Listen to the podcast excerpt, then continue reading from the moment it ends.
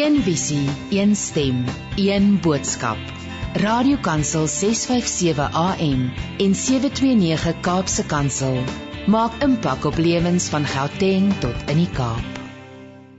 Goeiemôre en 'n hartlike welkom by Met Hart en Siel. Ek is Christine Ferreira.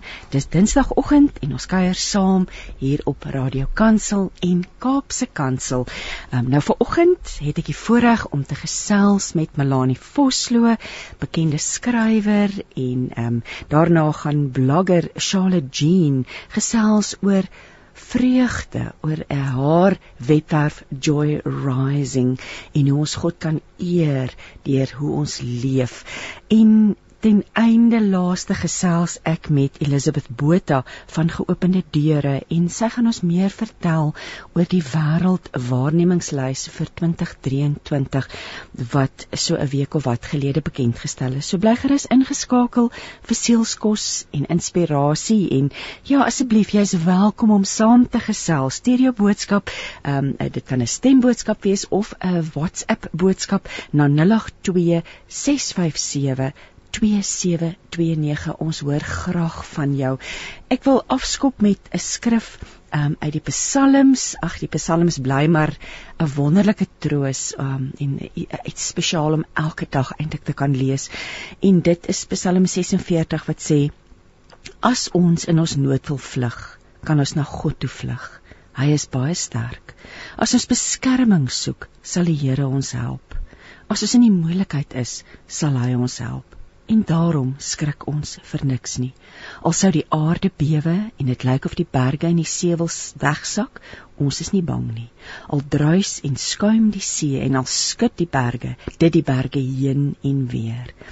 Die vloei van 'n waterstroom bring vreugde in die Godstad. God self bly daar. Daarom sal niks slegs dit kan tref nie. Voor hulp nog nodig het, is, het God reeds gehelp. Die God van Jakob sal ons self beskerm. Wonderlike troos in tye wat dinge maar baie die mekaar is en en en, en ons nou pas gehoor van die geweldige aardbewings wat daar in ander dele van die wêreld is. So ons ons steun op die Here vir sy beskerming. Maar nou gaan ek gesels met Melanie, Melanie Vosloo. Melanie is op die lyn. Môre Melanie. Môre Christine, môre luisteraars. Ag Melanie, dis nou vreeslik lekker om met jou te gesels. Die afgelope paar weke al luister ons aan die einde van van hierdie program na jou stilte tyd oordeenkings en lei hy ons op 'n pad van ja, rus en vrede en stilte en om nader aan God te kom. Maar dit is ja, was maar 'n paar moeilike maande vir jou die afgelope paar maande en dit is vir my so wonderlik dat jy steeds te midde van jou eie uitdagings nog steeds ander mense kan bemoedig, maar vertel vir ons 'n bietjie meer oor hierdie pad wat jy die afgelope ruk moes stap. Christine, dankie. Dit is my heerlik om met jou en die luisteraars te gesels. Ja, Christine, ek dink elkeen van ons het 'n reis met ons lewe en met ons liggame en met alles wat ons moet hanteer. Ehm um, ek het ehm um, van jongs af as ek maar met 'n swak en 'n brose liggaam gebore, maar um, ek dink ek was altyd so lief om sport te doen en fiets te ry en so aan. En dit het met die tyd ook maar omself ingehaal en die laaste jare het ek 'n ondraaglike pyn geleef as gevolg van osteoartritis, osteoporose en 'n klomp ander dinge. En dit het natuurlik nou so erg ontwikkel dat ek um, verskeie operasies moes kry. En onder andere het ek verlede jaar knievervanging gekry, 'n rugvisie en verskeie ander operasies. Ehm um, dit was 'n bitter bitter baie moeilike tyd. Ehm um, vir 8, 9 maande moes ek lê. Met tye moes daar versorgers inkom om my te help. Ehm um, en dit was absoluut ondraaglike pyn vir 8, 9 maande. Ehm um, en ek dink dit was 'n pad en 'n reis wat ehm um, my op 'n ander manier dieper en ryker ryper gemaak het ehm um, so dit was in kort wat fisies met my gebeur het. En ehm um, ek sou so graag met die luisteraars wil deel wat emosioneel en op 'n spirituele vlak met my gebeur het. Want dit is net my amazing om te ervaar het hoe God midde in 'n mens se pyn ehm um, net eenvoudig jou hand in jou hart vashou. Melanie, ek ek ek's eintlik verstom want ek weet hoe produktief jy is. Ek weet hoe baie jy skryf, hoe baie jy werk. Dat jy te midde van al hierdie dinge nog steeds die seën van die Here beleef het om te kan werk en sy werk te kan doen. Gesels met my net net so 'n bietjie oor die praktiese in rondom jou skryfwerk en jou werk. Hoe het jy maar op jou rug gelê en werk? Hoe het jy dit gedoen? Ehm um, Christine eh, rondom rondom my werk, ek is in die bevoordeelde posisie dat ek al 'n paar 2, 3 jaar gelede begin het om 'n opvolger ehm um, ek wil amper sê groot te maak vir die besigheid, Klare Olivier. Fantastiese jong meisie met um, baie baie begaafd is 'n uitmuntende leier. Rond waar het ons 'n klompie ander sterk mense geskaar. So ek het pas in 'n proses van oorgee. Maar dit was tog ook so dat ek ehm um, ook ook nog besig moes bly by die werk en sekere uh, verantwoordelikhede moes neem. So ja, Christine, dit het gepaard gegaan met Kan jy my nog hoor? Ja, ja, ons hoor jou mooi. Dit het gepaard gegaan met ehm um, ja, op my ek op my rug gelê, my man het vir my gehelp ek kon glad nie per uh, stadium skool net vir 8 maande net op een sy lees, so het my die rekenaar opgestel dat hy aan die kant van die bed op 'n kassie staan dat ek kan aangaan met Zoom meetings waar dit nodig is.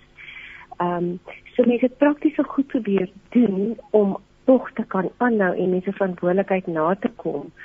Ehm um, en ek het ook dan met 'n rekenaar so half bo op my en langs my net ek probeer skryf wat ek kon.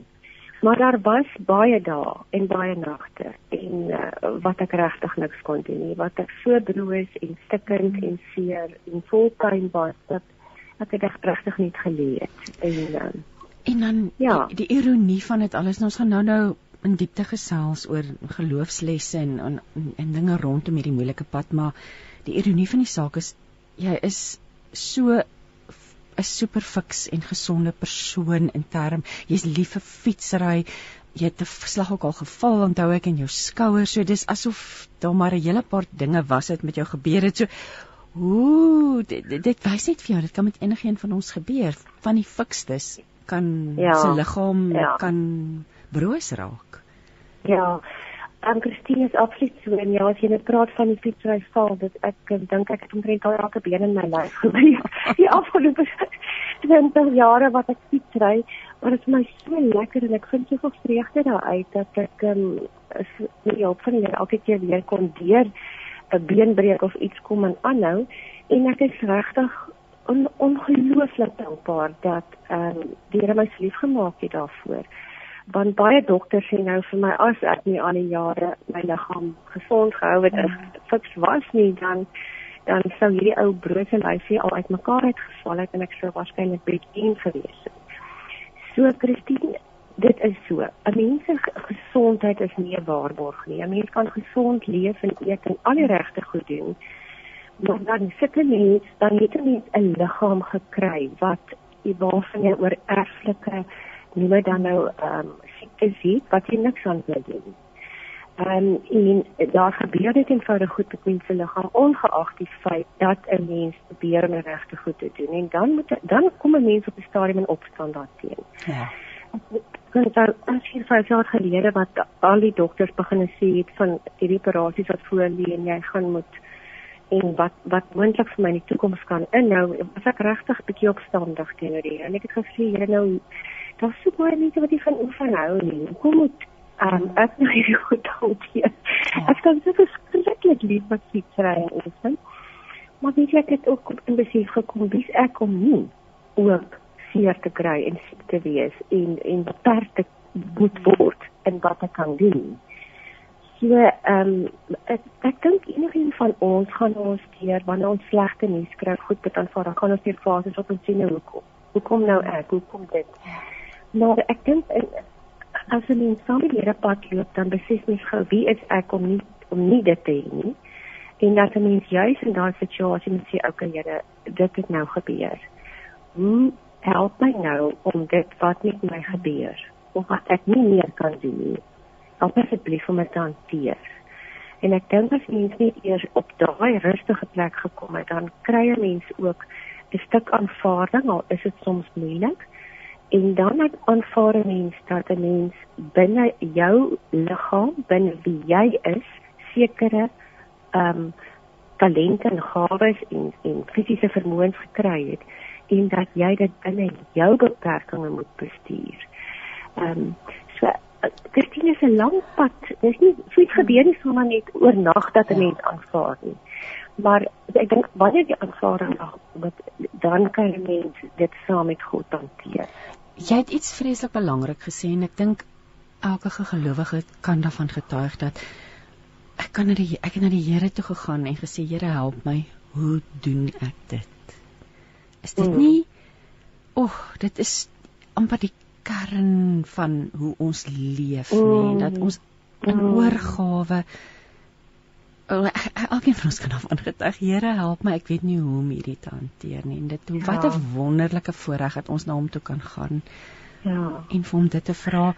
Kom ons kom ons praat oor die geloofslesse. Ek ek haal my hoed vir jou af Melanie want dit waar waar jy gegaan het waar jy steeds gaan is nie maklik nie. Um, En ek is seker daar's baie van ons luisteraars wat kan getuig dat hulle deur dieselfde gegaan het dat siekte hulle kniehalter, dat hulle moedeloos voel. Maar kom ons fokus bietjie op die geloofslesse want mm. jy's iemand wat na die Here leef. Deel van jou DNA is om te skryf, om die Here daardie te eer, om wonderlike boodskappe oor te dra. Maar in hierdie tyd het die Here sekerlik nuwe goed vir jou kom oopbreek nie waar nie. Ja. Christine, my hart is so vol dankbaarheid ehm um, oor hoe die Here net eenvoudig in sulke donker nagte en daar was baie na ag daar was maande wat ek nie die nagte kon slaap nie van pyn. Ehm um, hoe die Here dan eintlik so so naby aan mens kom en hy vir jou hoe goed vir jou uh, iets anders word. Waar mens altyd aan God dink as langs jou agter jou voor jou onderhou onder jou beleef jy God nou as in jou as deel van jou dat jy amper nie eers hom te sien waar jy is nie want hy hy hou saam met jou deur hierdie pyn. Hy sit saam hy knie saam met jou kniel saam met jou in jou Getsemane. En hy hy hy hy's langs jou hy's so diep in jou dat hy vir jou in daai oomblikke al al verstaan jy dit dan nog nie. Dan sien jy dit dan nog nie dat dit jou lewenswaarhede oor oopbreek Wat ek ehm um, maar nie vir luisteraars kan sê is ek dink almal van ons weet die lewe is nie maklik nie. Die lewe is hard en die lewe ons moet elke keer 'n pad met die lewe. So hoe wat pyn aanbetref. Ehm um, kan jy nooit jou pyn met ander in vergelyk en sê maar myne is erger of nie erger nie. Ehm um, jy weet dink jou pyn, jou moeilikheid, jou uitdagings, jou seer is jou seer. So ek dink een ding wat mens net moet doen is om jouself met ander te vergelyk en dan te sê ag dis nie so erg nie kyk hoe swaar kry iemand anders. En of om in daai tyd dit moet sê maar wie ek behoort nou eintlik dankbaar hiervoor te mm, wees nie. Mm, ja, ja, ja. ek dink nie God verwag van ons om in die pyn dankbaar te wees nie. Ons kan agterna dankbaar wees oor die gevolge oor wat ons daardeur en daarin geleer het. Maar ehm um, ek dink wanneer mens met jou eie diepe reis besig is, is dit jou reis. Moenie dan dink dit is nie so erg nie. Ehm um, en dit is anders te gelyk nie. Ek dink dit is een baie belangrike les wat ek verleer. Die tweede een is God bly ongeag die feit dat jou lewe soms uit beheerheid kan voel. Hy bly getrou. Ehm um, en hy los jou nooit nie. En dat alleen juist daar in bitter donker tye van jou lewe maar net by hom kan sit sonder om te verwag dat 'n antwoord kom sonder om te dink dat um, hy jou nou op 'n besondere manier gaan vashou dat jy beleef bly jy net by hom want hy is in die donker daar en saam met hom gaan jy iewers die skemer van die dag sien deurbreek en weer weer jou kop kan opdrag wie kan sê weet jy ek sien nou weer kans vir die lewe. Maar in daardie tyd wat jy absoluut gestroop is van jouself en Christine ek, ek het so op beleef dat ek totaal gestroop is. Ek kon niks myself doen nie. Ek moes versorg gesien wat my wat my stort en aantrek en my my man moet my help om in die bed te kom en uit die bed te kom. So jou alles in jou stroop. Daar bly amper niks van jou waardigheid en jou identiteit oor nie. Ehm um, en in daai tyd in daai totale broosheid en daai totale um, amper niks wees beleef mens dat jy amper soos ehm um, Richard Rios se boek sê falling upward. Hoe dieper jy val en hoe seerder jy is, hoe meer hoe meer val jy in groot God se hand. So ehm um, ja, Christine, die die reis maak my so verskriklik bewus van dat jy dat jy niks is nie, dat ons almal gaan sterf. Ja. En dat dit, dit laat jou ook in vrede kom met jou eie sterflikheid ehm um, en en dit bring mense by die punt wat mense kan sien en daar was baie nagte wat ek regtig 'n groot vrede vir gesien het. Die pyn is so ondraaglik. Kom maar my. Ek is gereed om te gaan. Ehm um, ek is so gereed om net uit die wêreld uit te stap want ehm um, in in u arms vir altyd te wees. Kom maar my. En dan en, en dan dan is mens op daai punt wat jy absoluut oorgegee um, in sy rivier gaan lê en toelaat dat sy stroom dan neem waarin hy waarin hy dink jy moet geneem word. Want weet jy dis ek sien baie keer geloof as as 'n rivier of ons ons is almal in 'n rivier, maar sien wat doen ons? Ons spartel en ons swem en ons probeer ehm um, die kante uitklim en ons probeer ehm um, allerhand triks uitvoer om die lewe te hanteer. Terwyl wanneer ons agteroor op ons rug lê in God se rivier van lewe, dan hoef ons nie al hierdie goed te doen nie. Dan kan ons net in hom bly en in hom wees. Hy neem ons dan op hierdie sagte rivierstroom in rustige waters is neem hy ons dan deur die lewe. Hm. Jo, Melanie, ek bedoel dit is die eerlikheid wat jy nou mee praat om te sê ek het net gesê Here kom vat my maar ek is reg, maar ook 'n wonderlike wete ek is reg. Maar dat jy hier op daai plek gekom het want ek my volgende vraag was was daar tye wat jy gevoel het jy wil moed opgee en en en ja. Hoe bly jy mens positief? Jy's 'n bemoediger. Dit is een van jou kenmerke vir al die jou ja. skryfwerk. Ehm um, dis hoe mense meeste mense jou ken. So hoe bly mens positief? Iemand wat luister vandag en en en ja, groot uitdagings, groot teëspoed beleef. Ehm um, hoe bly ja. mens positief as jy wil moed opgee? Ek dink die enigste manier is om om eenvoudig te sê ek kan nie, ek kan nie, ek, ek kan nie, ek wil nie meer nie. Ek ek sien nie meer kans vir die lewe nie. Ja. Maar ek gee my oor in u hand. Ja. En weet jy is die dit is nie vir my so wonderlik om om die Here se genade te beleef wanneer ons onsself in totale broosheid en ons naakte eerlikheid net eenvoudig vir hom gegee het. Hoe hy dan op ongelooflike maniere en op sy tyd en op sy manier engele in verskillende forme oor jou pad stuur wat jou hand neem wat jou optel wanneer jy self nie kan nie wat jou troos wanneer jou trane eenvoudig nie wil ophou nie. En ek praat van gewone mense, versorgers, ehm um, hospitaalpersoneel, my man, my man wat so ongelooflik in hierdie maande. En op oproep van my kind. Uh, my dogter het byvoorbeeld sy geweet het ek ek um, is op my laagtepunt dan sê vir my um, 'n voice stuur van die ou klein klein kindertjies wat dan sê, "Hallo ouma, ah. ons wil net vir ouma sê ons is baie lief vir jou en ons vir op vir vir liewe Jesus se briefie in 'n ballon gesit om te sê ouma moet asseblief gou weer beter word en toe ons dit hemel toe laat gaan die die ballon." Ag, nee. so ag ek dit is agter die Here mense dinge ehm um, oor jou pad stuur op met klein bietjies vir jou dan deur daardie ongelooflike woestyn tyd te neem.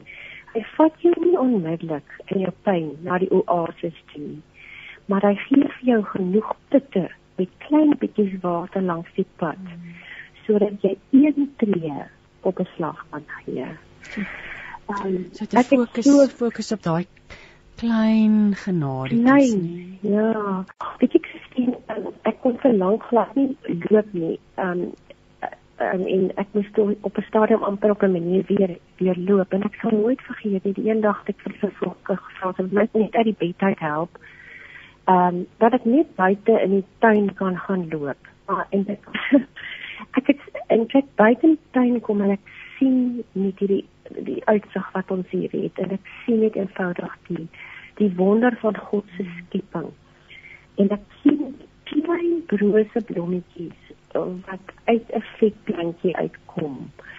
Toe besef ek net God se grootheid is so groot.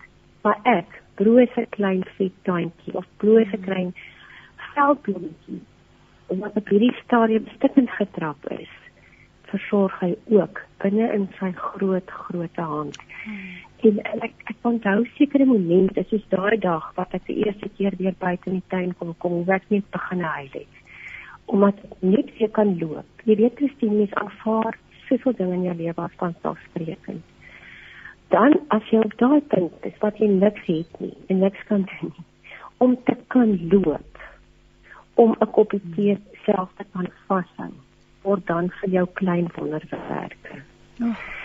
Um, en dit breek die dit breek dit vir dit voordag vir jou um, nuwe lewe oop wat jy voorheen nie raak gesien het nie want dit was van selfsprekend daar. So elke mens wat my hand vasgehou het wat vir my 'n koppie water aan tee aangedra het. My man wat nagte en nagte by my omgesit het en soms maar net my rug gevryf het en met tye saam met my gehuil het omdat hy magteloos ook gevoel het om my te help. Ehm um, so mense verskuif jou fokus. Dis interessant nê nee, hoe 'n mens se fokus deur teespoed eintlik verskerp word nê. Nee. Um, ja, jou bewussyn gaan oop ja. vir gewone dinge. Christine, weet jy wat wonderlik was dit om weer na sien maar 'n tyd lank wat 'n mens nie kon stort of pas nie wat iemand anders jou moet vas ja, ja. om self onder 'n stort te gaan staan. En en net water teen die rug af te voel. oh, die dankbare, um, nee, die dankbare. Ja, die eenvoudige goed wat elke dag sommer net verby ons gaan word weer nuwe waarderings en nuwe sien raak van die lewe. Weer en ek het net weer so besef hoe belangrik dit is om by stille te, te leef. Proe wat jy eet. Hmm. Ruik. voel, vat, sien. Ehm um, moenie net deur die lewe hardloop soos 'n masjien nie want dan mis jy eintlik die lewe. Kom ons ons gaan na die breek, ons gaan nou na musiek luister en na die breek gaan ons 'n bietjie gesels oor Bybelfigure want daar's soveel Bybelfigure wat deur donker tye gegaan het en um, ons gaan bietjie daaroor gesels, maar kom ons luister nou na Marika wat vir ons sing o blye dag. Kom lewe die lewe op 657 Radio Kansel en 729 Kaapse Kansel. Jy luister dan met hart en siel. Ek is Christine Ferreira. Ek gesels nou met Melanie Vosloo, geliefde skrywer en um Melanie deel met ons ver oggend haar pad van vele operasies, pyn, eintlik die donker nag van die siel Melanie wat jy beleef het hierdie afgelope paar maande, nê? Nee. Ja, absoluut so Christine. Ek dink ehm um, mens gaan mos maar deur jou lewe baie keer deur donker tye. Soms is dit ja. probleme en uitdagings en soms ag daar kom ons praat daar, jy weet mense verloor hulle werk. Um, mense gaan weer tipe pyn wat hulle geliefdes verloor. Ehm um, mense stoei met finansies. Daar is nie iemand wat nie met ongelooflike pyn of trauma loop nie. Ehm um, maar elke van ons kan miskien aan tye dink of dalk is daar luisteraars wat nou daar is wat jy net totaal ehm um, voel of alles vir jou nou net nie te veel is. En ek dink in daai tyd kan ek maar net sê ehm um, as jy voel jy kan nie God vashou nie, weet hy al jou vas. God kan nie afwesig wees in jou lewe nie. Hmm. God is daar. Al voel jy hom nie, al sien jy nie en beleef jy hom nie. Weet net dat hy daar is. En iemand het eendag gesê God is so teenwoordig in my lewe dat mense wil dat jy met verlof gaan. Ehm nee, ehm so ek, ek dink ons kan almal maar net weet dat wanneer ons in die diepste donker geval het, is sy hand daar. Wat 'n wonderlike wete. Kom ons gesels oor Bybelfigure want daar's soveel voorbeelde. Die skrif is vol mm -hmm. van van mense wat deur donker tye gaan en ek wil nou vir jou vra, is daar 'n Bybelfiguur of dalk meer as een wat vir jou uitgestaan het in hierdie tyd wat jy so ja. swaar gekry het? Ja. Christine, ja, daar is daar is heel wat van hulle, maar vir een ehm um, sommer net mee begin en dit is nogal die weduwee van Sarfat. Ehm um, ons sal onthou dat Elia by haar gekom het ehm um, en dat hy toe vir haar gevra het of hy brood kan kry. en haar woorde aan hom was in 1 Konings 17 vers 12. 12 Wanneer ek het niks brood nie, daar is nog net 'n bietjie meel in die blik en 'n paar druppels olie in die kan. Ek het hierheen gekom om 'n paar stukkies hout vir 'n vuurtjie te kap sodat ek vir my en my seun 'n laaste broodjie kan maak. Hmm. Dan hierdie woorde. As dit klaar is, is daar niks meer nie. Dan moet ons maar wag op die dood. Hmm. Dit Elia gesê moenie bang wees nie want die Here het vir my gesê jou meelblik en olie kan sou nie leeg word nie totdat hy weer heen gestuur het. Ehm um, kan jy dink hoe voel hoe moes daardie arme weduwee gevoel het sy het niks gehad nie en sy was op pad om die laaste broodjie te maak en dan dis met die wete te leef sy gaan sterf. En dan kom daar iemand en hy vra ek wil ek wil 'n broodjie en dan het sy dit gegee. En dan weet ons mos verder haar meelblik het nooit weer daarna leeg geword nie na olie kan ook nie. Ehm um, weet jy wat het ek tog ervaar? Dat selfs in 'n mense totale broosheid en wanneer jy op jou slegste voel, help dit jou om iemand anders te bemoedig of te help of iets vir iemand anders te doen. Ehm um, dit God sal nooit van jou verwag om dit te doen nie, maar dit laat jou beter voel as jy ander mense in daai tyd wat jy swaar kry tog kan help ehm um, dit is asof jy dan jou fokus van jouself af bietjie wegneem en ietsie en op ander fokus en of jy vir daai oomblik dan is dit vreugde kry soos wat mens mos altyd vreugde ervaar wanneer mens iets gee van jouself um, en daai vreugde help jou dan weer met jou eie pad so die weetjie van Sarfat um, is vir my vreeslik 'n mooi voorbeeld en dan het ek Dawid ek ek is mal oor Dawid want Dawid ehm um, ek was 'n jong seun het hy ehm um, koning geword. Ehm um, ek het daar jare ter 23 was in die besigheid begin het baie keer gedink. Sjoe, ek um, ek dink ou Dawid verstaan seker nou hoe onkundige mens voel in jou jonk wees. Maar Dawid het 'n um, groot sukses in sy lewe behaal, maar hy het baie doorgemaak. Ehm um, ons weet wat hy alles gedoen het en hy het ook verskriklik baie pyn gehad ehm um, sy eie seun ehm um, wat uh, hom vervolg het en wat eintlik gesterf het. Ons onthou die woorde wat Dawid gesê het: "My seun, my seun Absalom, my seun." En dan absoluut in rou smart geskree het. En ehm um, hoe die Here hom dan daar weer teergedraai het. Hoe hy dan in sy broosheid eerlik kon wees. En ek dink dis een ding wat ek by Dawid geleer het is: "Mens hoef nie wanneer jy op jou swakste voel dit weg te steek. Jy kan jou seer en jou smart en jou pyn en jou kwaad wees voor God neersit en self skree van God weet en hy en hy kyk met deernis na jou. Maar in die uitlaat van die emosies kan jy ook dan weet dat hy jou op sy tyd weer gaan troos. Soos wat hy vir Dawid getroos het weer. En soos wat Dawid weer daarna ehm um, wonderlike werk vir die Here gedoen het. So Dawid en dan natuurlik Paulus nie. Ehm um, ja. ja, ek weet nie. ek het tot hier in daai nagte gedink, jy Paulus was so stukkend geslaan en hy het in 'n tronk gesit en het niemand en niks gehad nie en hy het lofliedere gesit, gesing. Hoe het hy dit reg gekry? Want Here, ek het ook niks nou nie, maar ek het dan 'n man wat my hierso met groot liefde ondersteun en ek het mediese rondom my. Paulus het dit nie gehad nie wie het ooit sy wonde versorg daar in die tronk. En hy het gesing van vreugde. En hy die Here bly loof. Dit net vir my ongelooflik hoe hy dit kon regkry. En dan natuurlik die verhaal wat ons almal so geken die Job verhaal. Sjoe Christine ek het 'n paar keer in daai maande deur die Job verhaal en gelees hoe sy vriende hom probeer raad gee het.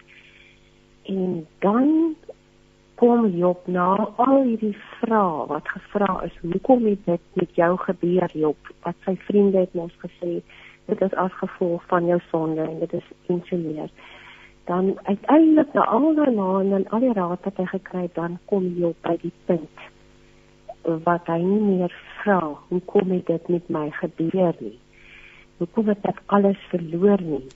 Daar op die afloop van sy lewe wat hy alles verloor het en wat hy letterlik die seer op sy lyf met 'n met iets skerp gekrap het. Daar waar hy niks gehad het nie, niemand nie. Daar besef hy. Wie is ek? Klein mensie om vir God te sê of te vra hoekom. Hy sê daar in, in Job 42, ek weet nou, ek kan enigiets doen en niemand kan nie keer nie. Jy het gesê luister want ek wil met jou praat. Ek sou jou vra, jy moet my antwoord. Tot nou toe het ek net met my oë gesien, Here. Maar nou sien ek U dieper en ryper. So ek dink in seer het ek ook geleer dat ehm um, soos Job dat mens nie dat dit is nie die moeite werd om vrae te vra nie. God is groter. God gaan nie vir ons altyd antwoorde gee nie. Ons hoef nie te verstaan nie. Ons kan nie die groot God wat hemel en aarde in stand hou vertrou. So verstaan is nie nodig nie. Vertrou help jou deur enige tyd. Ja, sulke ware woord, ware woorde nou. Verstaan is nie nodig nie. Vertrou. Mm. By die woord, ek ek ek het begin lees uit Psalm 46 en vers 11 van Psalm 46 sê: "Wees stil en weet ek is God." En ek wil nou vir jou vra, was daar woord wat in hierdie tyd vir jou nuwe betekenis gekry het of woord wat jou deurgetrek het en deurgedra het, ja. woord wat jy aan vasgehou het? Ja daar was baie woord, maar daar um, een woord waarna toe my hart en my siel elke keer teruggegaan was Psalm 46. Waar God sê, "Vandat jy gebore is, hmm. het ek vir jou gesorg. Toe jy babatjie was, het ek jou in my arms rondgedra." Hoe mooi is dit? Selfs al word jy oud, sal ek nog daar wees. Ek sal vir jou sorg tot jy grys is. Ek sal vir julle sorg. Ek sal julle dra en julle versorg. Dit is net so 'n mooi oorgegewe ehm um, ryk wat mens hier kan net sê hier, hier is ek. As u vir my gedra het voor my geboorte, dan dra u my nou ook terwyl ek grys en stikkend is. Ehm um, so dit was my dit is my verskriklike mooi woord in en dan ook ehm um, Psalm ehm um, 17 Ja, of Psalm 26. Here sorg tog dat die regte ding met my gebeur. Ek vertrou U, Here. Ek twyfel nie 'n oomblik aan U nie. Die Here help my deur donkerste deur die donkerste krisisse. En dan hierdie mooi woorde. Sy hulp is soos 'n lig wat 'n mens in 'n pikdonker kamer aanskakel. Hy red my. Omdat hy my help, is daar niks waarvoor ek bang is nie. Die Here beskerm my. Waarvoor sal ek dan bang wees? Ongelooflike mooi stuk. Uh, uh, 'n skrif vir ons um, in moeilike tye. Ehm um, ja, Christine, die woord is so ryk van bemoediging, van wysheid, van van die godse beloftes van sorg. Ehm um, en ek dink wanneer mens deur so tyd gegaan het, dan kom daar ook weer 'n dag wat mens kan sê alles wat die Here vir my doen, maak my vol vreugde. Ja. Hy is die grootste geskenk wat ek nog ooit kon kry. Hy sorg vir my, Here. Ek lees uit Psalm 16. Hy het die mooiste dinge in die lewe vir my gegee ek kan nie uitgepraat raak oor al die wonderlike dinge nie. Dit maak my gelukkig. Selfs as ek slaap, weet ek hy is by my. Dit sal ons sien. So Christine, um, ek dink as 'n mens niks meer het nie, dan breek die woord en skrif wat voorheen dalk vir jou iets was wat jy met jou brein gelees het, dan sak daar die wysheid en daai woorde van jou kop tot in jou hart af. En dan maak jy dit regtig jou eie en leef jy vanuit 'n stuk genade dat hy in die donker weer die lig sal aanskakel. Weet jy dit soos wat jy nou lees, dink ek ek dink aan al ons bejaardes, nee, ek dink net aan die wonderlike troos wat God se woord mm. bring en die stukkie mm. troos wat jy vanoggend ook gebring het dat God was daarvan voor jou geboorte tot in jou grysheid sal hy jou dra.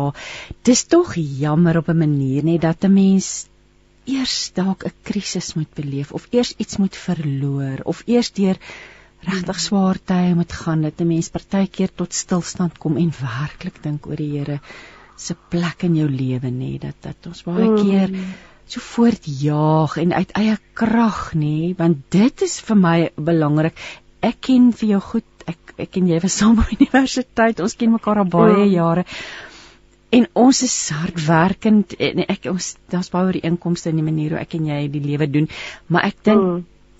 dat mense op 'n punt moet kom dat jy besef laat maar jy weet ek kan dit nie uit eie krag uit doen nie nê mm. hoe wonderlik dat mense daai punt bereik um, ja en en en weet. Ja. Christine, ek dink ons het nog altyd ons nog altyd in die afhanklikheid van God geleef. Maar weet jy, ek dink wat jy nou net sê is so waar. Soms neem jy na plekke toe wat jy regtig weet. Niks wat jy nou het. Hmm. Jy kan niks self. Soos jy nou sê. Ehm um, en dis 'n baie ryk identiteit plek en daarom sê ek daar is in enige krisis.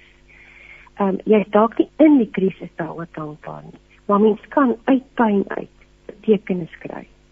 Ehm um, in deur pyn kan 'n mens nuwe betekenis vir die lewe kry. Jy kan leer om met groter bewussin te leef. En um, in jou eie hart het ook anders geword. Nou kyk jy na mense met groter deernis en sagtheid. Ja. En jy kyk ook na jouself met groter self ehm um, liefde. Um, mens verwag nie meer van jou liggaam om goed te doen wat eintlik wat jy dalk nie in staat is nie omdat jou kop iets wil bewys nie. Ehm um, en mens raak baie bewus daarvan dat jy dat God vir jou in die krisis leer om met ander oë na die wêreld, jouself en na ander mense te kyk. En ek dink 'n mens ehm um, dit is die wonderlike wat uit die trauma kan kom is dat jy 'n vreugde mens, 'n dieper vreugde mens kan hê wat ander kan help op op vlakke wat jy nie voorheen sou kon nie. So trauma is nooit verniet nie. Nee, nee, nee, goed, goed. Beloof ook vir ons dat dit ek dink alles sal ten goeie meewerk en jy weet die, die, die plek wat ons in sy koninkryk het. Kom ons wil is belangrik en dit sal hy laat uitspeel um tot sy eer, nê. Nee. Kom ons praat oor waar jy nou is. So dit is jy deur die dal van doodskade wees ek dit so kan noem. Ja, Christine, ek is um, ek gaan met hierdie my lewe met pyn leef. Ek dink maar ek het ek het by 'n plek van aanvaarding gekom. Ek kan weer loop. Ek kan weer fietsry. Maar ek ek kan nie ek sal nie weer my liggaam so forceer. Ek weet ek en my man het al so baie fietstoere gedoen en ry om 60, 80 km elke dag vir 10 dae aan mekaar van een dorp of een stad na 'n ander stad. Ehm um, ek besef my liggaam het vir my nou geleer dat ek nie meer dit kan doen nie. So ek gaan nie meer my liggaam druk na plekke toe wat uh, waar hy nie in staat is nie. So ek is nou so dankbaar dat ek 10 km op die fiets kan ry. Ehm um, en dat ek kan doen. So op hierdie punt en dink ek oor die Here het my na plek geneem van hou op om te dryf hou op om te wil doen. Ja. Hou op om te wil bewys. Wees nie. En ek is nou op 'n plek in my lewe wat kragtig soveel rus het en wat ek um, net wil wees. Ek wil net daar wees waar hy my wil gebruik. Ek wil daar wees waar ek ander mense kan help. Ehm um, ek wil bemoedig en ondersteun. Ehm um, maar ek hoef nie iets te doen om iets aan iemand te bewys nie die lewe is nie meer vir my 'n leer waarteen ek hoef op te klim nie. Dit is 'n jungle gym waarin ek kan speel saam met God en waar ek tydens die verskillende dinge wat hy oor my pad stuur iets kan beteken vir ander mense. So ek het groter rus, ek het groter vrede en ek is gelukkig en ek het daarmee om net in God te wees, op hom te wag, te doen wat hy vra en te wees, te probeer wees, iets van hom op hierdie aarde te probeer wees met rustigheid en kalmte en vreugde en vrede. Ja, Melanie, wonderlik om dit te hoor vanuit hierdie perspektief. Um, ek is so bly het met ons gesels ver oggend. Ons tydjie het amper aan 'n einde gekom. Ek wil nou vra en ek is seker ons luisteraars is ook nuuskierig wat van jou skryfwerk? Is jy opgewonde om hierdie nuwe lesse wat jy geleer het te deel? Is daar planne vir 'n boek? Um, wat gebeur met die skryfwerk? Christine um, ek is baie opgewonde oor my skryfwerk want skryf is nie vir my 'n werk nie. Dit is absolute gawe wat ek met ongelooflike dankbaarheid en nederigheid van hom ontvang het en dit is vir my heerlikheid om te skryf want in my skryf probeer ek nie teologiese kennis oordra nie. Ek probeer eintlik net die lewenswaarhede wat hy my leer in gewone woorde en verander deurgee en mense so help. So ja ek is besig met 'n nuwe boek. Um, op die rakke is daar steeds um, van my boeke um, krag vir elke dag wat verlede jaar uitgekom het. Um, sy tweede druk is uitverkoop. Hulle druk nou weer 'n derde druk, maar daar is nog voorraad in die winkel. Daar's moed vir elke môre. Wat dan um, kom herverpak het. Laat sy liefde jou lei is ander boek, 'n simfonie van seën. Ehm um, is nog op die rakke en dan ehm um, wat inkom is is dat ehm um, net vir elke môre het um, Amerikaners jare ag, 'n paar jaar gelede vertaal en hulle het hom uitgegee en hulle gaan hom nou weer uitgee in Mei maand onder die titel Strong and Courageous in Amerika. Hy sal hier op beskikbaar wees. Melanie, dit voel vir my amper profeties, krag vir elke dag. Jy het dit gelede daar uitgekom. Jy het nie geweet hoe nodig jy dit gaan hê nie. Ja. Strong and courageous, dit is wat jou vorentoe gaan vat. Sibyl sê nou vir ons môre baie dankie vir die inspirasie vanoggend. Ek het op die 27ste Desember van my fiets geval en my regterhand se gewrig gebreek en my linkerhand se elmboog ontwrig. My man moes oh. my was en aantrek en die huishouding oorneem en hy so behulpsaam. Ek waardeer alles so baie en is so dankbaar vir alles. Wow. Sjoe, so Sibyl kan getuig van waardeur jy gegaan het Melanie yeah. en Maar dankie dat jy jou absolute ja, jou jou hart met ons gedeel het ver oggend en dis ons 'n voorreg wees om na jou te luister en ek ek ek weet en ek vertrou dat die Here baie mense ver oggend aangeraak het wat in 'n donker put sit en regtig pyn het dat as ons aan hom vashou nê kan ons ja. daardeur kom. Sal ons krag hê vir elke dag. Sal ons sterk en volmoed wees strong and courageous. Laaste gedagtes van jou kant af voor ons tot sien sê Ag Christine, ek kan maar net vir elke luisteraar sê, ehm um, onthou ons hoef nooit vir God te verstaan nie. Ehm um, God is daar om God is die God van hemel en aarde. Maar hy bly altyd in beheer. So kom ons probeer nooit altyd dinge verstaan nie en ons probeer ehm um, nie iets probeer doen aan dinge wat ons niks aan kan doen nie, maar leef eerder in aanvaarding daarvan en probeer te midde van die donker en die ligte wat nie wil aanskakel nie, tog sy lig sien hmm. en na sy lig kyk. Sy lig sit op klein goedjies rondom ons wat ander betekenis kan kry. Ja, amen daarop. Ons gaan afsluit ons sê tot siens Melanie nogmals dankie seën vir jou sien vir die pad van herstel ons bid vir volkomme herstel en vir krag vir elke dag vir jou kom van ons kant af. Jy het ons so daarmee al bemoedig. So alles seën vir jou nogmals dankie vir jou tyd vanoggend. Baie dankie. Dit was 'n groot voorreg en plesier. Goed gaan te sien. Totsiens Melanie. Kom ons luister na Neil Boegner wat nou gaan sing. Niemand soos die Here. Hoor die woord en vernuwe jou lewe op 657 Radio Kansel en 729 Kaapse Kansel. Jy luister dan met hart en siel en ek is Christine Ferreira en op die oomblik kuier Charlotte Jean by my in die ateljee. Charlotte is ook al 'n ou bekende op ons program. Sy is van Better for Life, maar ons gesels vandag spesifiek oor haar nuwe web tuiste Joy Rising. Jy sê it's a humble creative platform for my thoughts on life and what I believe God is teaching me. Maar voordat ons verder gesels wil ek het, het Charlotte ingekom en uh, met 'n geskenkie vir my en saam met dit het 'n wonderlike kaartjie gekom Charlotte wat sê Trust in the Lord with all your heart. Lean not on your own understanding. In all your ways acknowledge him and he will make your path straight. Dit is natuurlik Spreuke 3 vers 5 tot 6. So you're really blessing me with that and it, it fits so well with the conversation I've just been having with Milani and we just can hand everything over to the Lord, you know. But let's talk about your ministry because you have a very specific calling on your life and um, so tell us more about it. Christine, it's such a pleasure to be here with you this morning. And I realize that God is really doing a new work. You know, He wants us to experience Him as a good Father. And for a lot of us who walked a conventional road, you know, we went to school, we worked hard, we went to university, music and art took a back seat. It was like the the expensive hobby that didn't pay the bills. Yeah.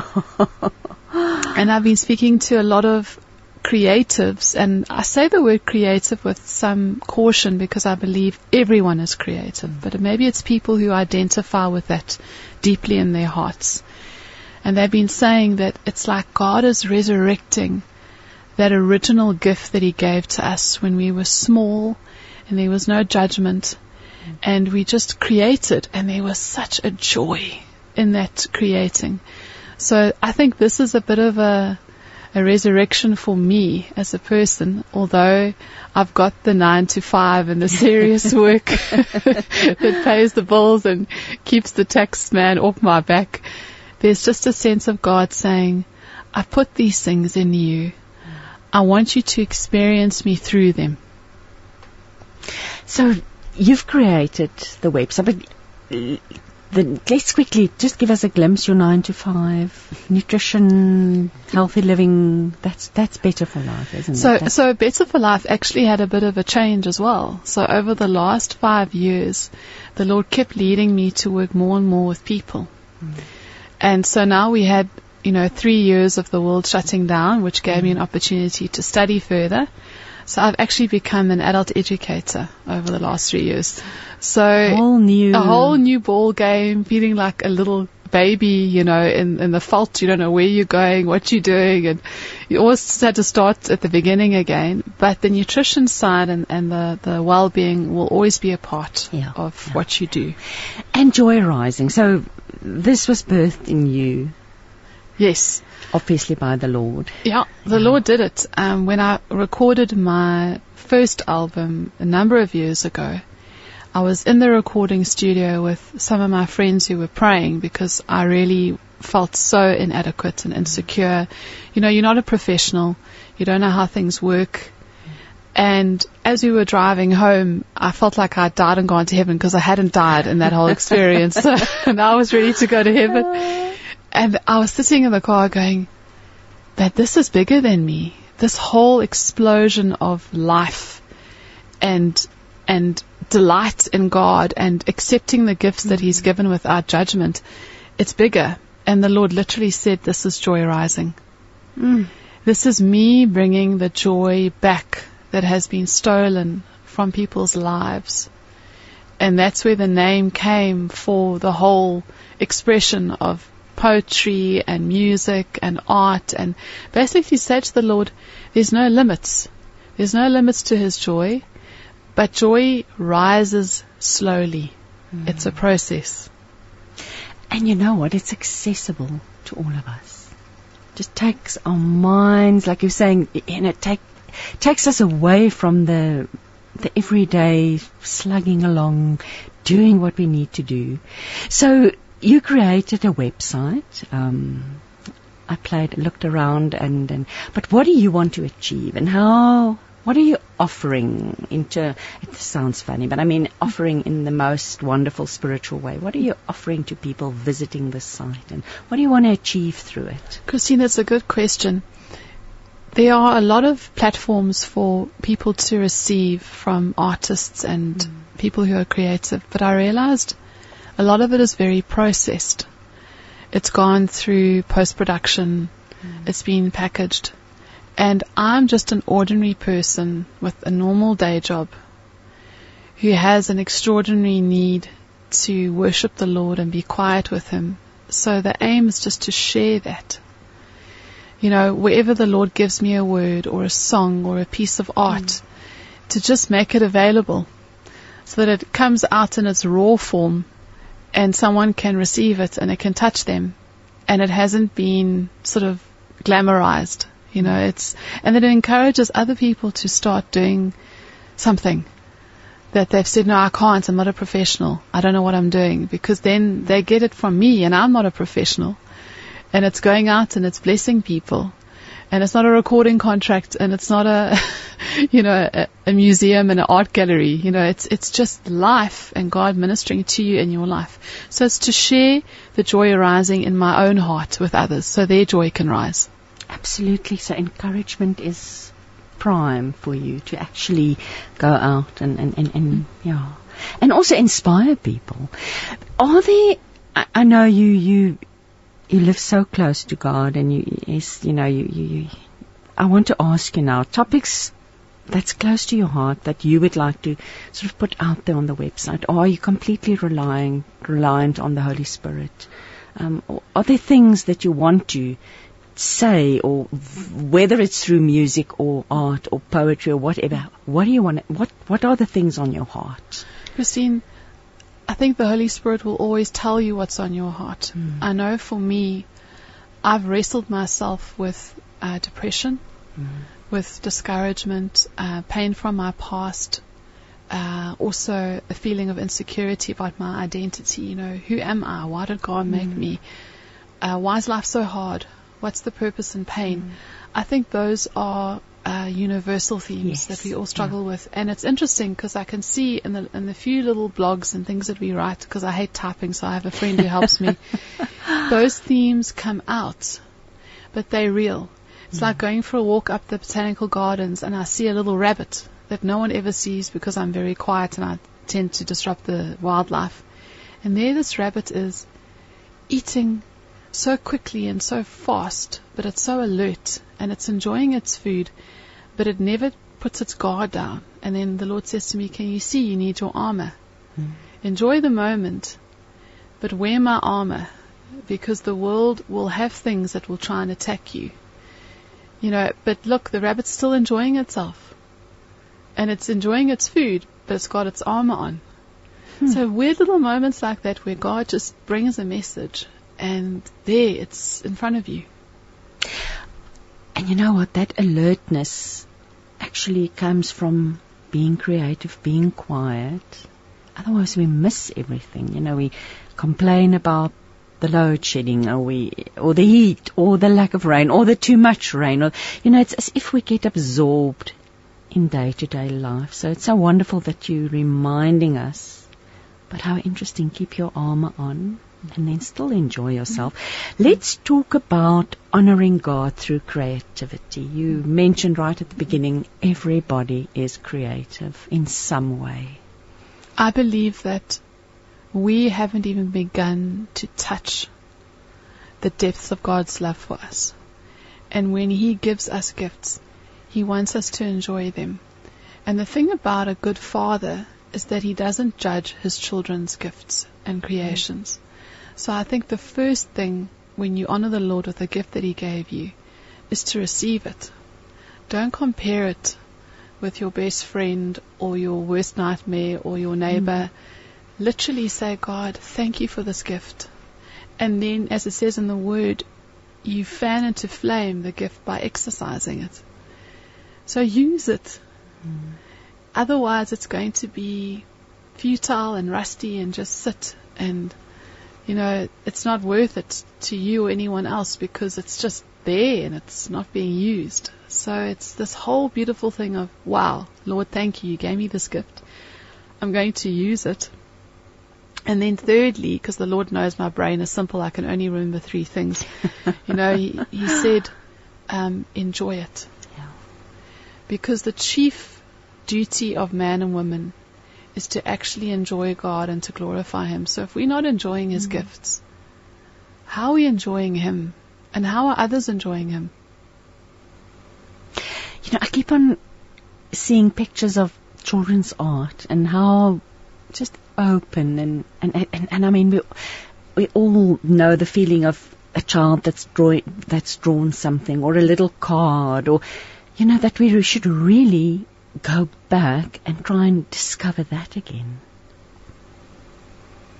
Christine, it's a big part. It's something that I said to myself because I did actually study art at school and I did some at varsity. Mm-hmm.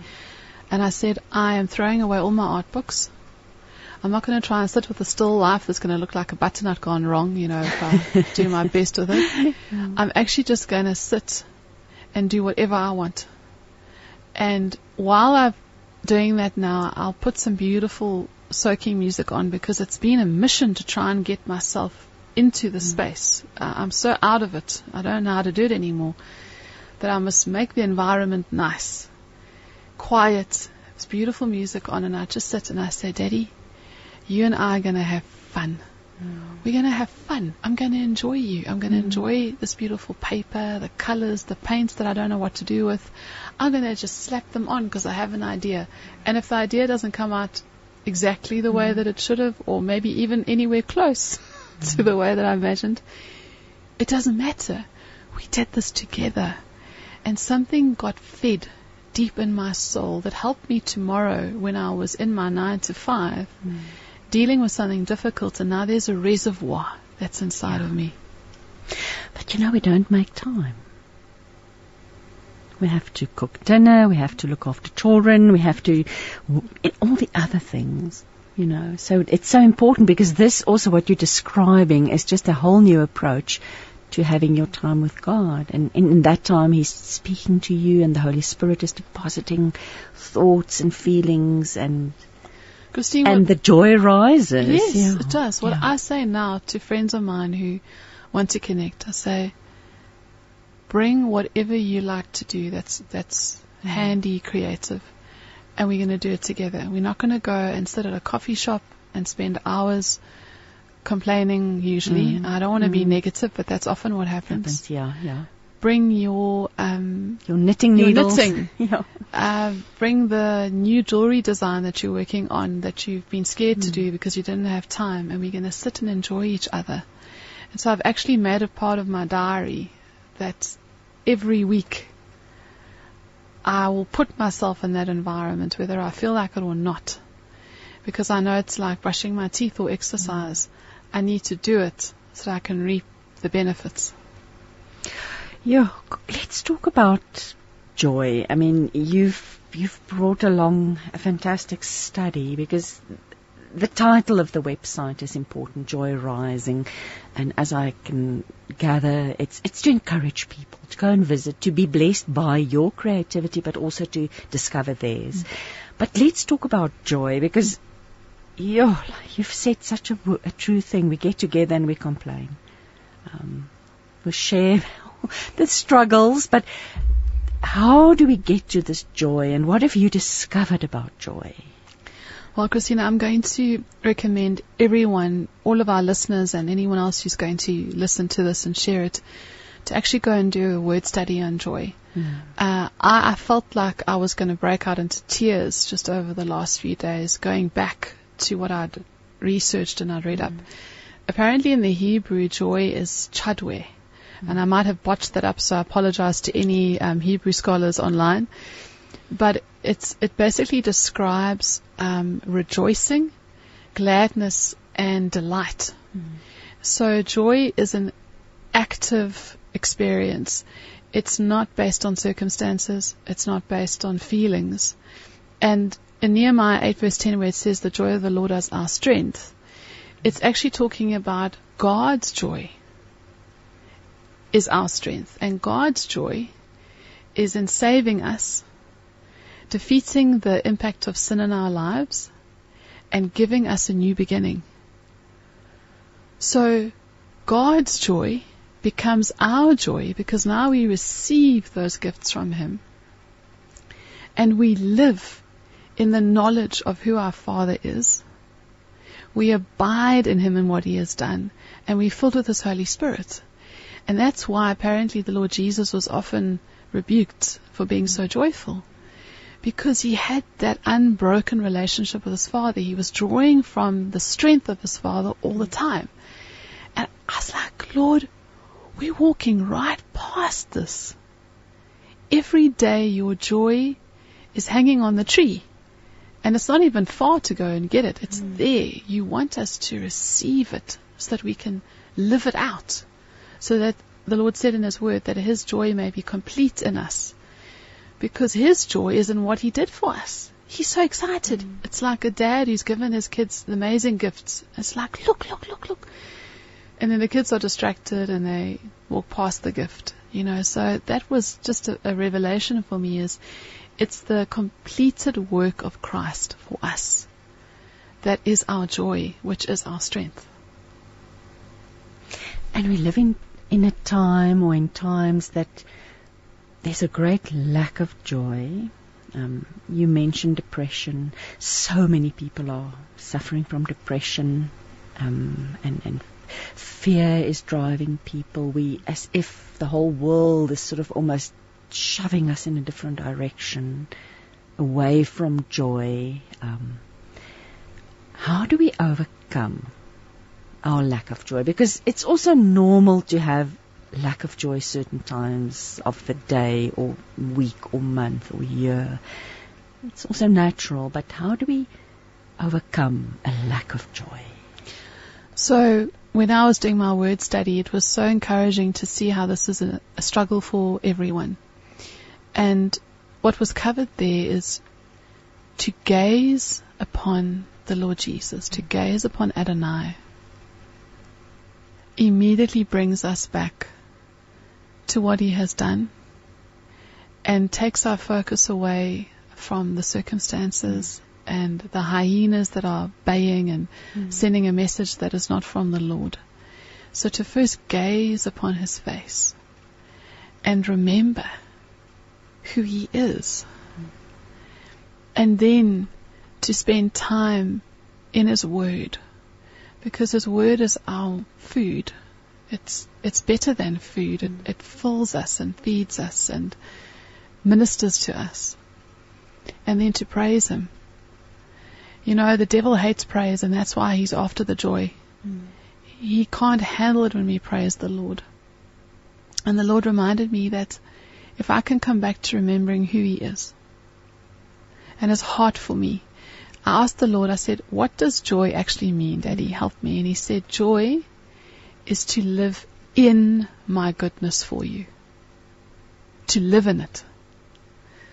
Not to imagine it, think about it, hope that it'll come, brace myself for when it's not there, to live in it as a daily mm. living reality. Live in His goodness, and you will have His joy. And like you said before, it's a gift. It's His joy. It's not something we have to create because we also know how we try to create our own joy, how we go shopping or just in human things, things of the flesh that we try and create it. But you're reminding us that in Him, in Him, can you imagine if all of us were living in joy, how different the world would be? Jesus would become more real to all yeah. of us. So something to strive for. You mentioned soaking music.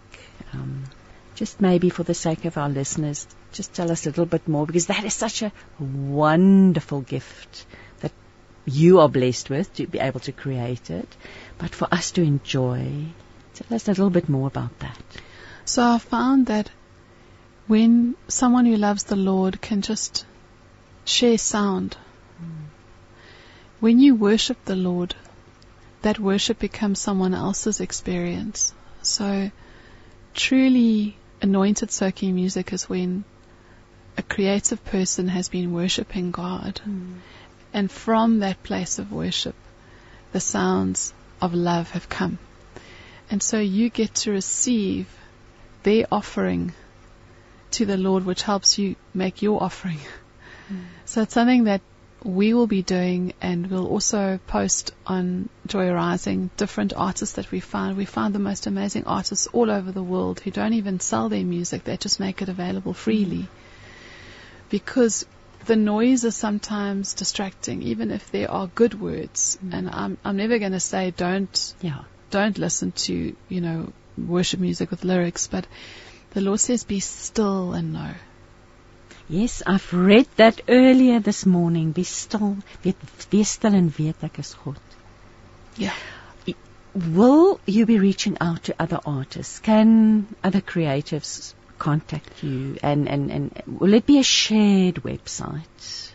We would love them to. I always have a big vision and I need people to help me because I get lost in it. Um, I mean, we would actually love to have a worship concert where creatives of all different disciplines come from poets to dancers to mm-hmm. instrumentalists to pottery makers, you know, ceramic artists because God is not limited in the way that we worship Him. All of a sudden, I'm thinking, have there ever been a Christian art festival? We've got so many art festivals around the country. Help me if I'm wrong, but I can't think of a Christian, a very specific Christian art festival. We what a wonderful dream. Yeah, we haven't had one. Uh, we've had little sort of expressions and things that are mixed, but to have something that is non-denominational, where the requirement is simply to worship the Lord Jesus in any way that brings Him glory, um, and to do it on such a beautiful level of excellence that you're giving your all. So we would love other artists to reach out to us to say, I've got a poem, I'd like to collaborate. Uh, we just keep seeing it as if you are worshipping the Lord and you're not putting yourself first, and it's not your brand and your label that you're trying to promote. It's all about God. It's All about Him. That beautiful All About Me. I'm thinking about that beautiful song. But I think an idea has been birthed here now for a Christian art festival. Can you imagine people getting together and enjoying the creative gifts of others and sharing it and, you know? Sure, I think we had a very specific meeting this morning. Um, our time is running out. Um, it was a short conversation. I want to repeat the website. It is www. Joy Rising, one word, dot co dot za. So if you just type Enjoy Rising, that's the wonder of Google.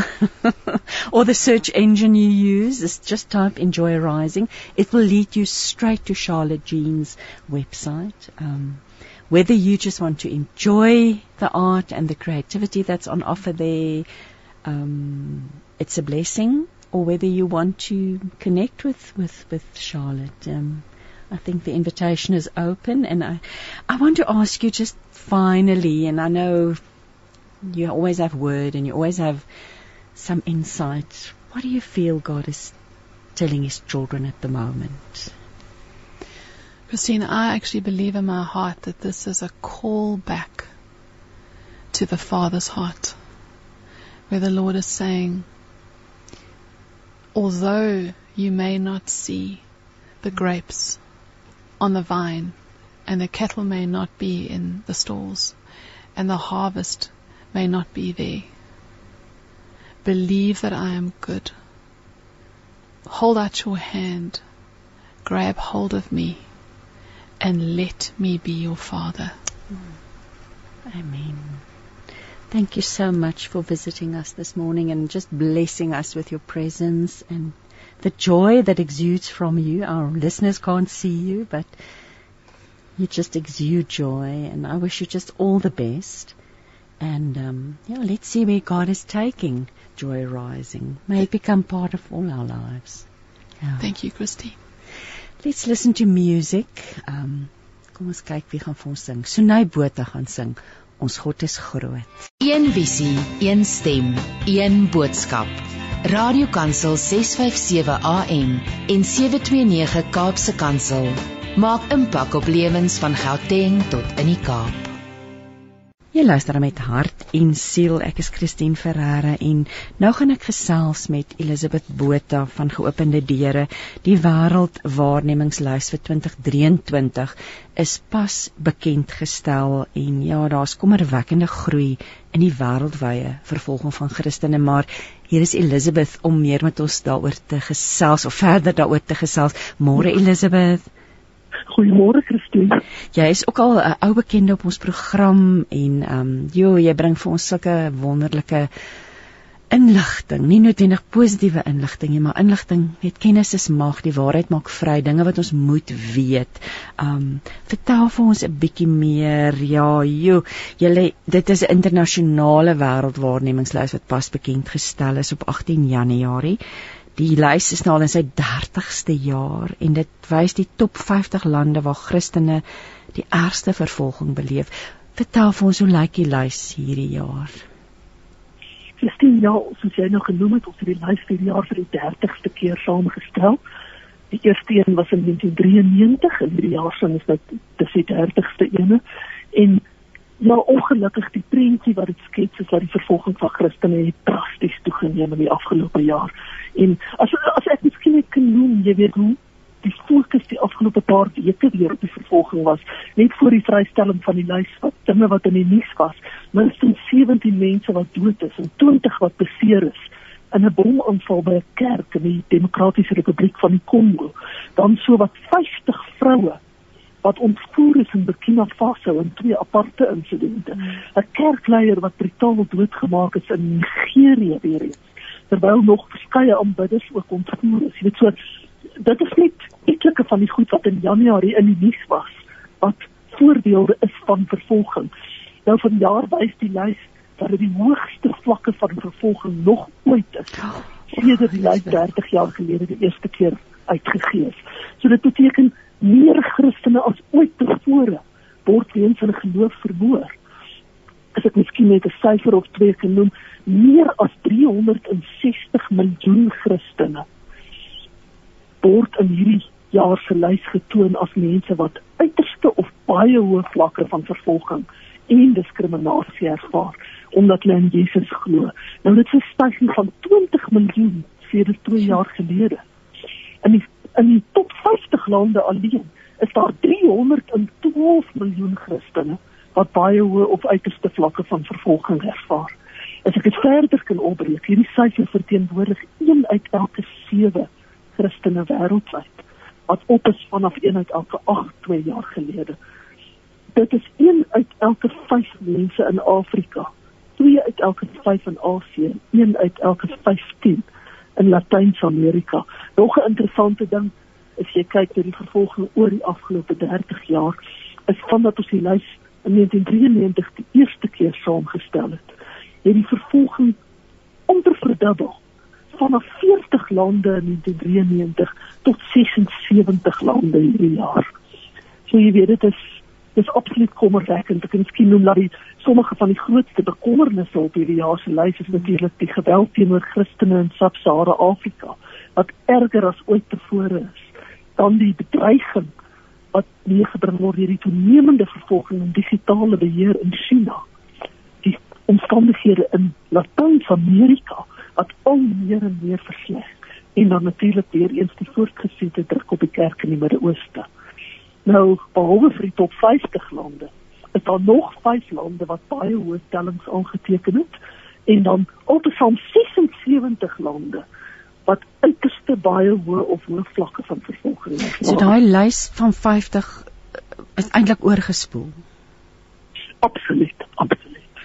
Ja, Elisabeth, ek kan nie help en ek is seker ons luisteraars sit met dieselfde vraag en ons gaan nou nou 'n bietjie in detail gesels oor hoe julle want julle werk met die feite nê dit as julle or julle organisasie ja. werk met die feite maar hoekom as julle want julle moet tog met mekaar sit en gesels oor julle werk daagliks met hierdie dinge? Waaraan skryf geopende deure hierdie toename toe? Want dit is dis kommerenswekkend nê? Weet jy die toename word word maar net grootliks toegeskryf daaraan aan die blote feit dat daar al meer mense wêreldwyd is wat vervolg word en teen gediskrimineer word weens hulle geloof omdat hulle Jesus as hulle verlosser aangeneem het. So in al meer lande word Christendom verbied of word Christendom geteken deur vervolgers. Jy weet, die vervolging is nie net op sekere vlakke nie, dit vind op alle vlakke plaas.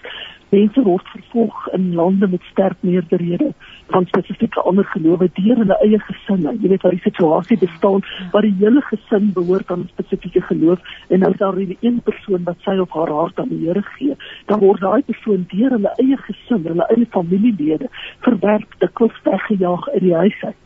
Jy weet dikwels is dit 'n vrou, dikwels is dit 'n kind wat aan verskriklike vervolging onderwerp word. Vroue word aan seksuele vervolging onderwerp. Hulle word ontvoer in mensehandel. Hulle word verkoop in gedwonge huwelike aan mense uit ander gelowe uit. Klein kinders, seentjies van so jonk as 12 jaar word byvoorbeeld opgeslurp absoluut deur militêre groepe, deur die sogenaamde militêre kartelle in dele soos Latyns-Amerika, maar ook in dele bo Noord-Afrika byvoorbeeld waar hulle dan gewerf word vir hierdie groepe om deel te word van militêre aksies terwyl hulle nog klein kinders van 10 of 12 jaar is. Um mense word vervolg op verskillende maniere. Jy weet hulle word verder dan deur hulle plaaslike gemeenskappe verstoot, veral in plattelandse gebiede. Hulle word deur hulle regerings vervolg. Hulle word deur die soos ek genoem het die owerhede het sy plaaslik en nasionaal. Die polisie draai die ander wang teen vervolging en tree nie op teen die vervolgers nie of die polisie self vervolg hulle. Jy weet so dis letterlik van gesinsvlak reg deur tot op plaaslike vlak tot op nasionale vlak.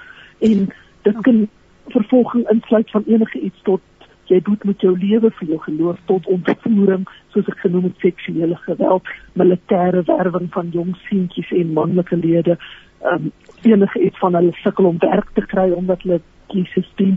Hulle kinders sukkel in die skool omdat hulle verstoot word en nie die nodige onderrig ontvang nie. En so kan dit aangaan en aangaan. Maar weet jy wat vir my so verstom is ten spyte hiervan. Ten spyte hiervan bly hierdie mense glo in Jesus Christus nie. Vind dat ondanks die vervolging staan hulle al sterker in hulle geloof. Ja. Hoe meer hulle vervolg word, hoe sterker is hulle geloof in Jesus Christus. Wat 'n voorbeeld is dit nie vir ons nie. En elke keer as ons gesels dan word 'n mens net weer herinner daaraan hoe bevoorreg ons nie is om God vrylik te kan aanbid nie. Jy praat ons nou oor 'n Christelike radiostasie oor die lig. Ons verklaar ons geloof openlik. Wat 'n wonderlike wonderlike voorreg.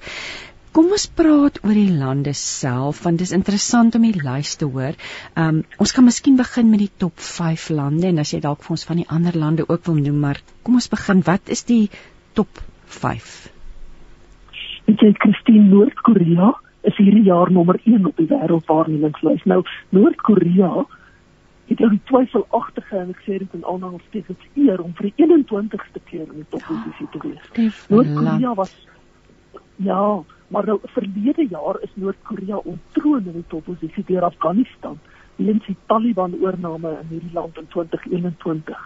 So slegs verlede jaar was Afghanistan in die, in die topposisie, maar voor dit, die vorige 20 jaar van 2002 tot 2021 was Noord-Korea in die eerste posisie en nou is dit na slegs 'n jaar af na die tweede posisie weer terug in die eerste posisie vir die 21ste keer. Nou Noord-Korea die hoogste vervolgingsstelling ooit. Wat dit fisies beteken is dat die vervolging van Christene in Noord-Korea is erger as ooit tevore hierdie jaar. Dit wys daar's 'n toename in die arrestasie van Christene. Daar's al meer ondergrondse huiskerke wat ontdek word en dan noodgedwonge gesluit moet word. Hulle word gedwing om te sluit of hulle sluit vir hulle eie veiligheid. Nou, jy weet as mense gearresteer word in hierdie land weens hulle verloof lei dit dikwels daartoe dat hulle tereggestel word of die ander alternatief is hulle word in een van die land se gruwelike onmenslike kampe vir politieke gevangenes of dan soos genoem word strafkampe of arbeidskampe geplaas. Nou die lewe in hierdie kampe is absoluut 'n verskriklike lewe wat die mense in die gesig staan. Gevangenes daar, hulle ly honger omdat hulle eenvoudig nie genoeg kos kry nie. Hulle word gemartel. Hulle ervaar seksuele geweld. Dit is oor van gevalle waar hulle die selletjie waarin 'n persoon toegesluit word is so klein dat hulle nie eens kan regop staan en rondloop nie. Ons hoor van een vrou wat byvoorbeeld in 'n gebukkende posisie so ineengekrimp moet sit elke dag in haar selletjie, weens gebrek aan spasie. Verder is dit pik donker in die sel, jy weet, en sy word slegs uitgehaal en sien sonlig wanneer sy uitgeneem word vir ondervraging en dan martel word en verskriklik mishandel word. Jy weet so dis dis absolute gruwelike toestande in die kampe as hulle so gelukkig is om nie met hulle lewens te boet nie. Nou die toename kan toegeskryf word aan 'n nuwe wet wat hierdie jaar of verlede jaar in Noord-Korea ingestel is, die sogenaamde anti-aksionêre denke-wet. Nou hierdie wet verbied enige gepubliseerde materiaal van vreemde oorsprong in Noord-Korea. Dis 'n kriminele oortreding. Die Bybel word verbied, dis 'n kriminele oortreding. So die strengheid van hierdie wet maak dat daar al meer toegeslaan word op Christene. Nou ons het nou gepraat oor Afghanistan wat verlede jaar nommer 1 was. Afghanistan is hierdie jaar af vir die 9de posisie. Maar en dit is 'n groot maar. Dis nie omdat die vervolging in Afghanistan afgeneem het nie, glad nie hierdie skerp daling bring ongelukkig bitter min vreugde en vervolging in hierdie land bly op 'n uiterste vlak. Nou, die groot daling in Afghanistan op se ranglingsposisie na nommer 9 toe van nommer 1 af, kan grootliks daaraan toegeskryf word dat bekeerlinge nou nog dieper ondergronds as ooit tevore leef. So met ander woorde, omdat hulle nou al dieper ondergronds gaan, skep dit 'n groter uitdaging vir geopende deure vir navorsings om geverifieerde data oor die geweld te bekom. Hmm. Jy weet so uh, na die Taliban oorname in 2021 is baie Christene in Afghanistan tereggestel soos in Noord-Korea. Die Taliban het fisies van deur tot deur gegaan om gelowiges uit te sniffel en hulle dan dood te maak. So talle Christene kruip al dieper weg en talle van hulle het ook oor see gevlug.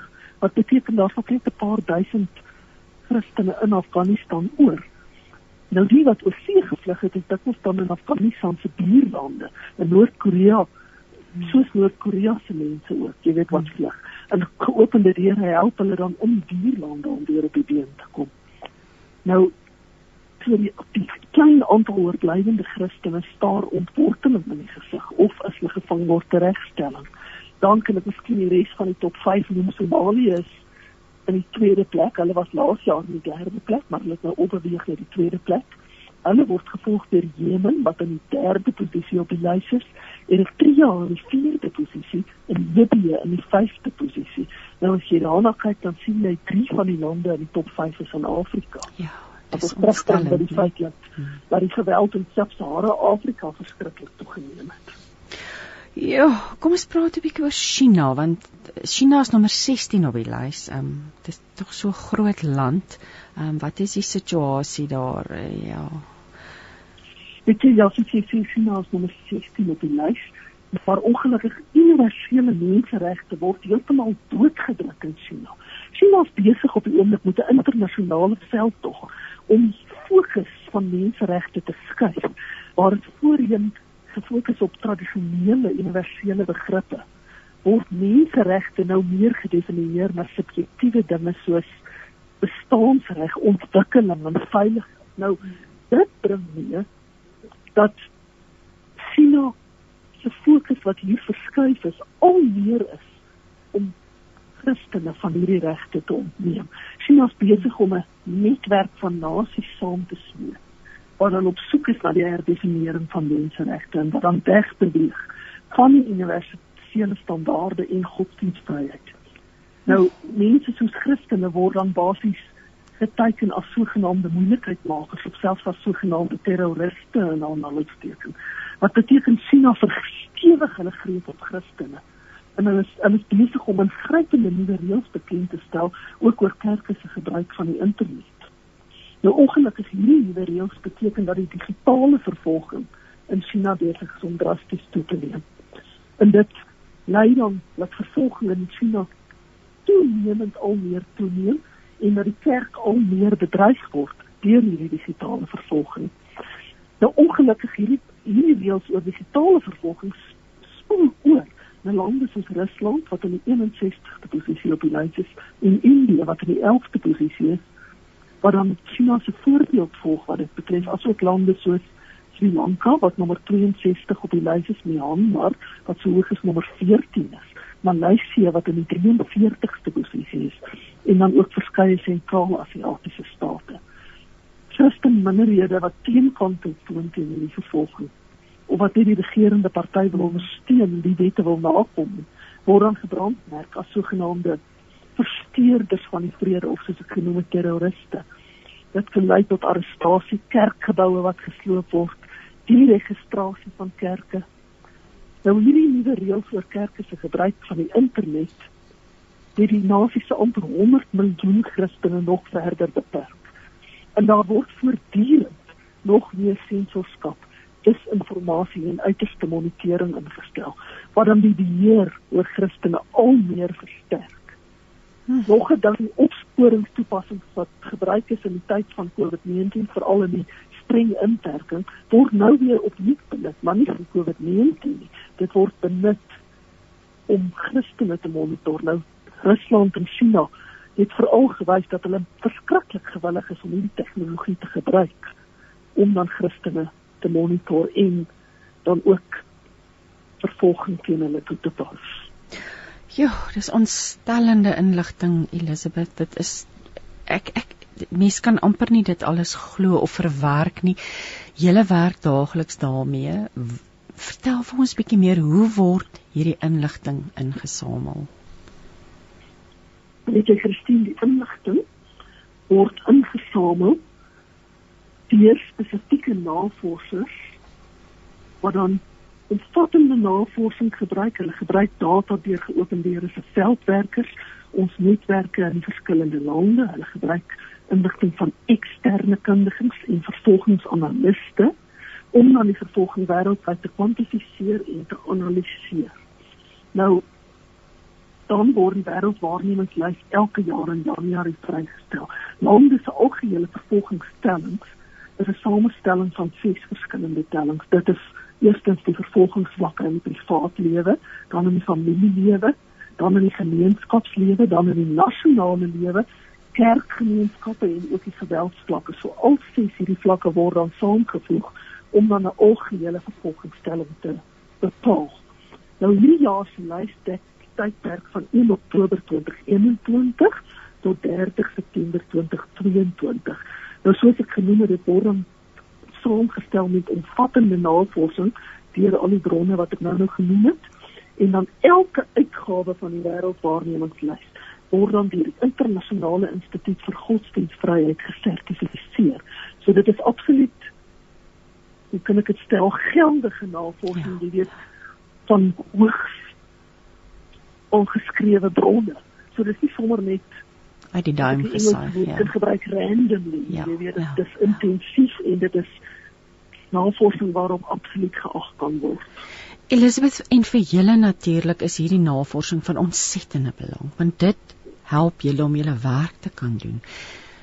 Op watter maniere help julle hierdie vervolgde Christene want daar's verskillende vlakke van hulp wat julle bied, nê? Nee? Dit is Christine ons staan Christene by in meer as 65 lande wêreldwyd. Ek het vroeër genoem dis hierdie syfer is meer as 360 miljoen Christene. Nou dit was al met enige iets van die lewering van Bybels en Christelike literatuur tot besoeke aan vervolgde Christene. Disipelskap en opleiding, noodlenige lang slagoffers van vervolging en natuurrampe, die verkondiging en bevordering van bewustheid deur voorspraak, noodleniging ek dink jy dit genoem. Ehm um, dan onderrig aan kinders wat vervolg word, bystand aan vroue en, en meisies wat hier seksuele teistering geteken word, jong seuns wat in militêre groepe gewerk word.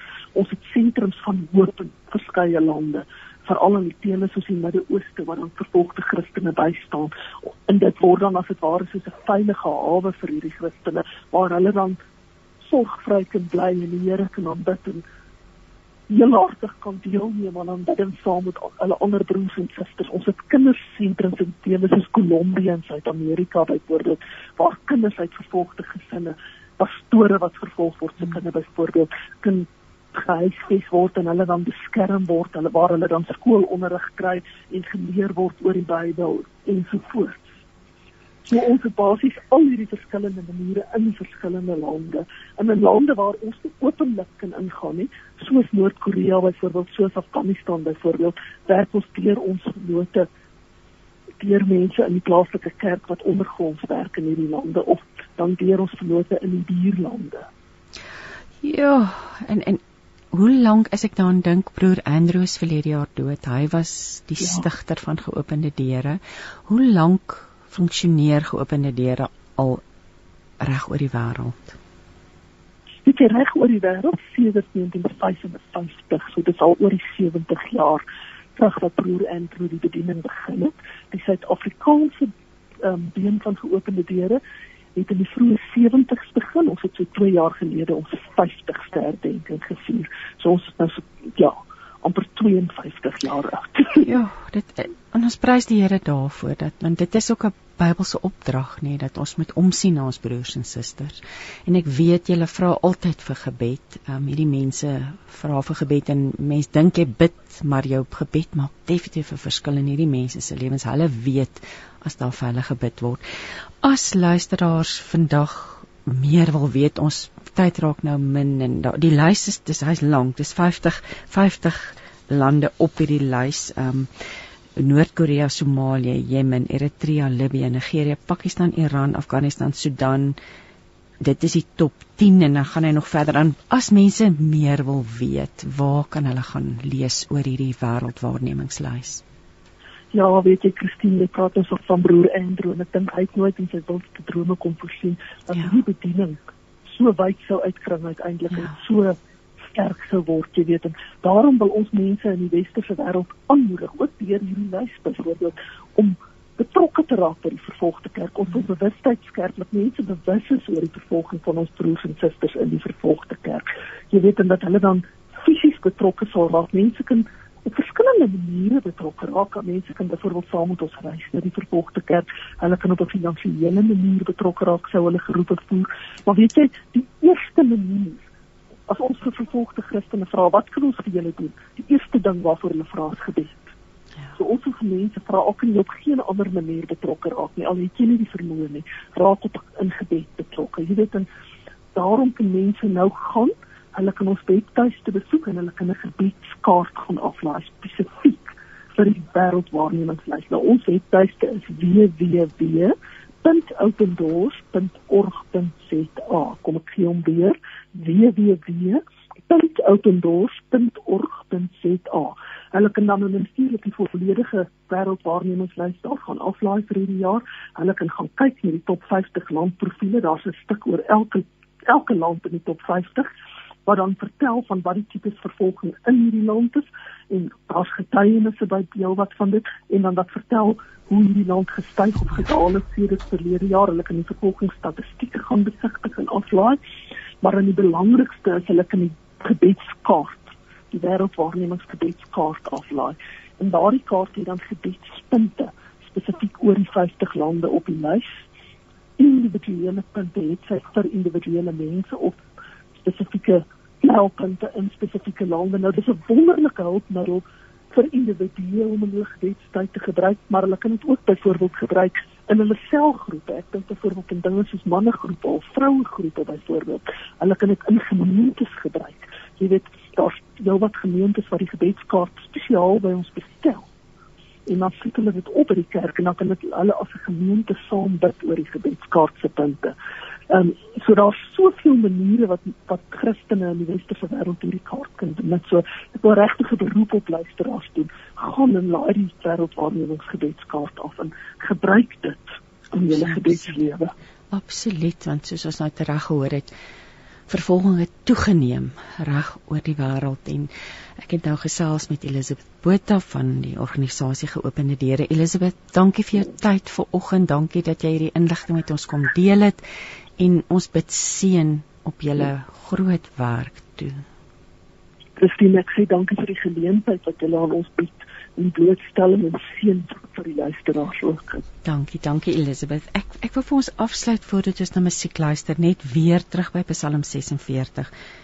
En in vers 9 sê dit: Kom kyk wat die Here alles op aarde doen. Dit is verstommend. Hy maak 'n einde aan die bekleierery tussen mense. Die wapens waarmee mense oorlog maak, vernietig hy met vuur. Dan sê hy vir ons in vers 11: "Wees stil en weet ek is God. Ek regeer oor nasies, oor die hele aarde." Niks niks en niemand is en kan so belangrik wees soos ek nie. Die Here vir wie niks onmoontlik is nie, is by ons. Ons luister nou nou dan Steven wat sing You are holy. Ek groet tot volgende week en dankie aan Woesie Leo vir die tegniese bystand. Totsiens.